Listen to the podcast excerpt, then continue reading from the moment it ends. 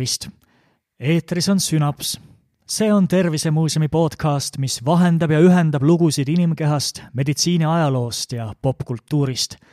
mina olen muuseumi külastusjuht Kent Joosep ja seekordne episood räägib meil pimesoolest ja ussripikust ehk ussjätkest ehk apendiksist. uurime, mis see siis ikkagi on ja milliseid ülesandeid kehast täidab pimesoolest kuuleme tavaliselt siis, kui keegi ütleb, et tal seda enam pole. tekkis põletik ja lõigati ära. ja ega rohkem tavaliselt nagu ei osatagi midagi lisada. hästi, no see ka, et kunagi bioloogiatunnis räägiti, kuidas ussripik on rudiment. ehk kunagi oli ta vajalik, aga evolutsiooni käigus on funktsioonid kadunud ja nüüd on kehas ainult sellepärast, et pole veel jõudnud täielikult kaduda.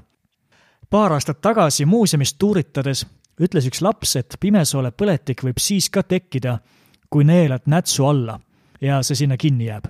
ma tunnistan, et sel hetkel ei osanud ma algaja giidina seda kinnitada ega ümber lükata. proovime saada asja selgemaks siis nüüd, selles episoodis.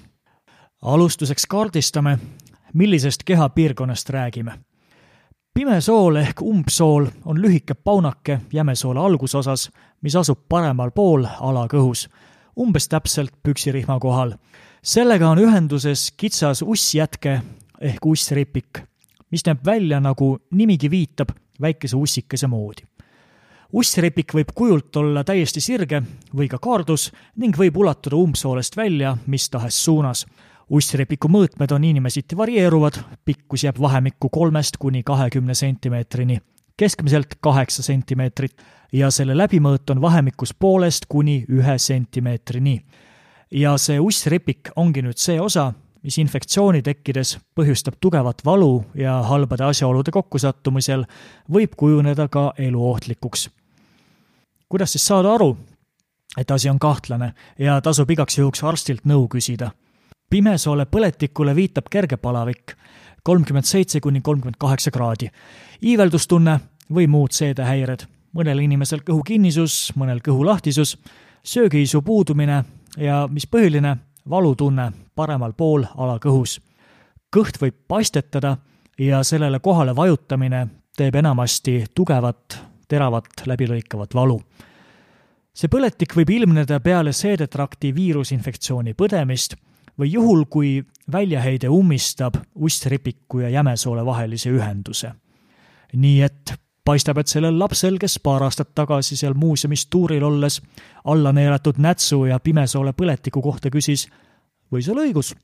kui läheb eriti õnnetult ja nätsu ikka suurtes kogustes, tööstuslikes kogustes alla neelata, võivad sooleummistused mõnel juhul tekkida küll. no sülitame siis edaspidi nätsu välja, nii nagu ta mõeldud on.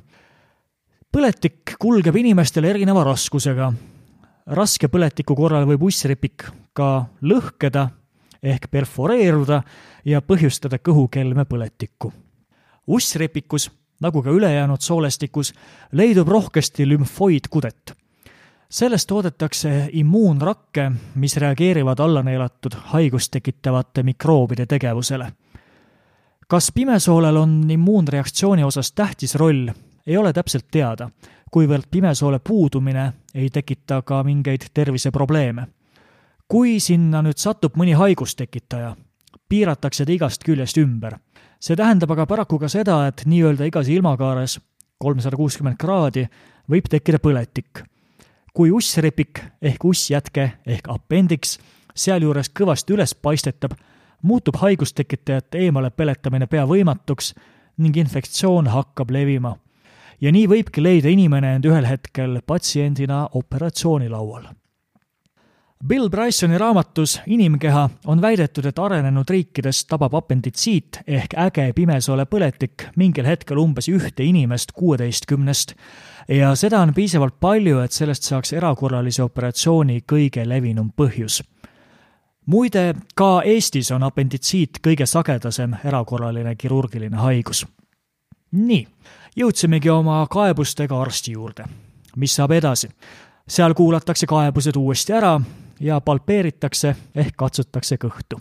seejärel võidakse teha põletikutunnuste leidmiseks vereanalüüs ja uriinianalüüs kuseteede põletiku välistamiseks, ultraheli uuringuga võidakse välistada teised haigused.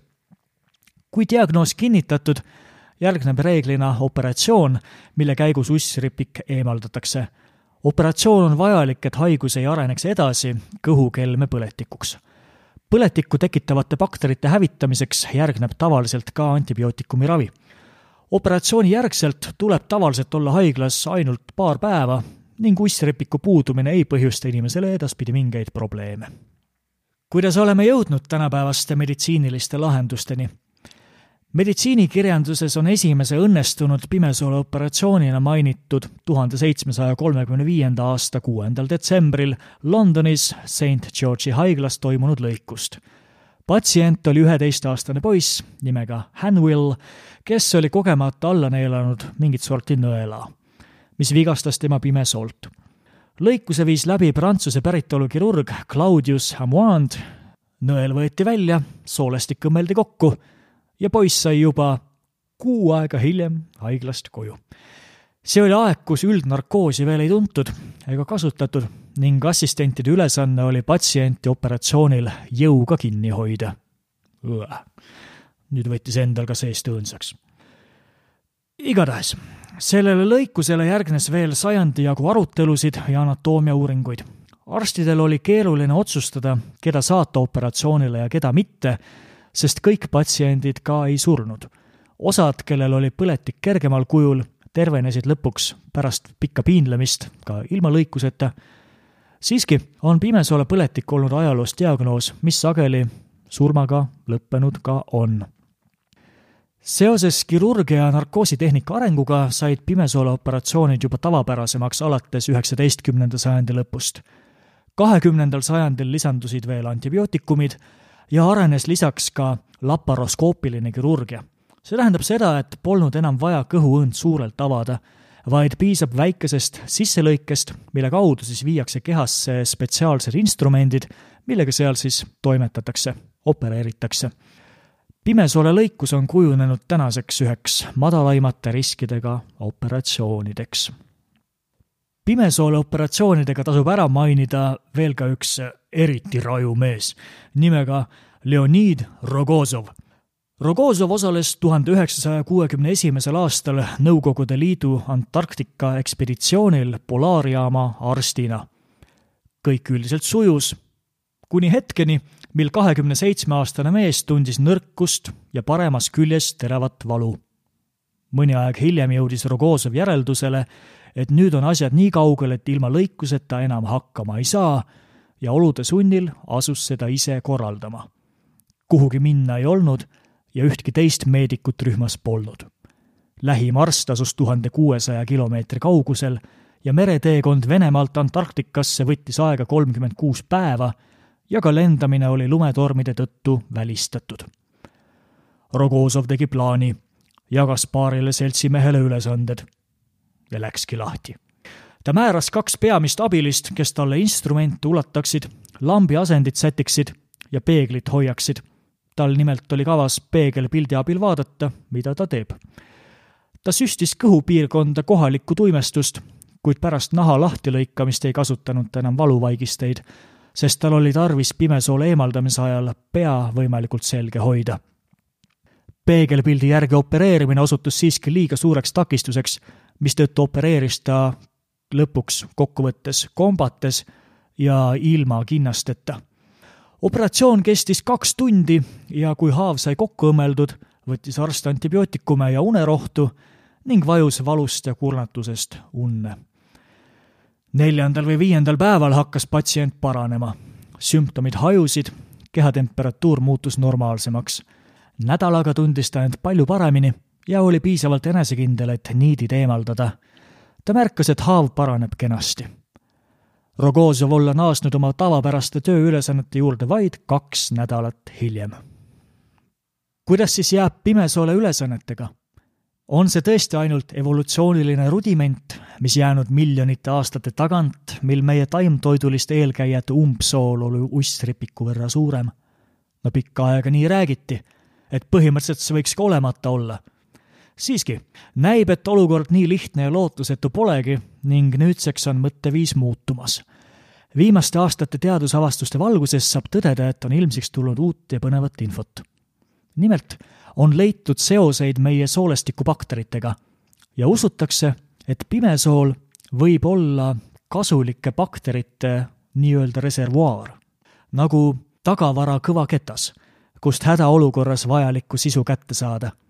Näiteks, kui on tehtud läbi üks pikem antibiootikumi kuur või põetud läbi mõni rängem kõhuviirus, võib meie soolestiku mikrobioom sealt tasakaalu taastamiseks kasulike bakteriliikide näol abi leida muide, kui tunned inimese ja bakterite kooselu vastu suuremat huvi, siis soovitan vaadata lisaks meie Youtube'i kanalilt kolmeosalist videotuuride sarja näituselt Mina, superorganism, mis meie muuseumis just seda teemat käsitles. Huvitav ja oluline teema, mis mõjutab meie heaolu oluliselt rohkem, kui esmapilgul võiks arvata.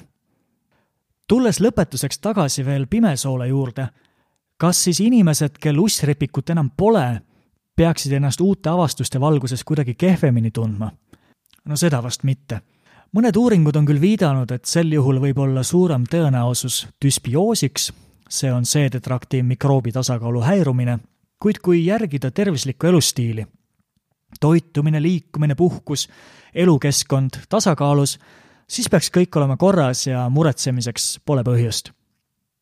aa, ja see asi ka, et astronautidel ei opereerita enne kosmoselendu ei tarkusehambaid ega ka pimesoolt välja. see on müüt.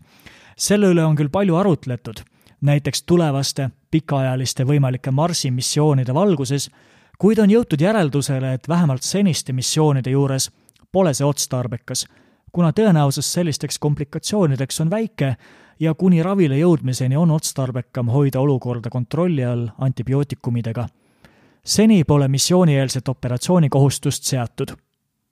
võib-olla tulevikus. mine tea. olgu, selleks korraks kõik. loodan, et sai jälle midagi pisut põnevamaks räägitud ja ühe meditsiininähtuse konteksti pisut avardatud. ja kui tekkis huvi midagi kontrollida, juurde uurida, siis seda parem.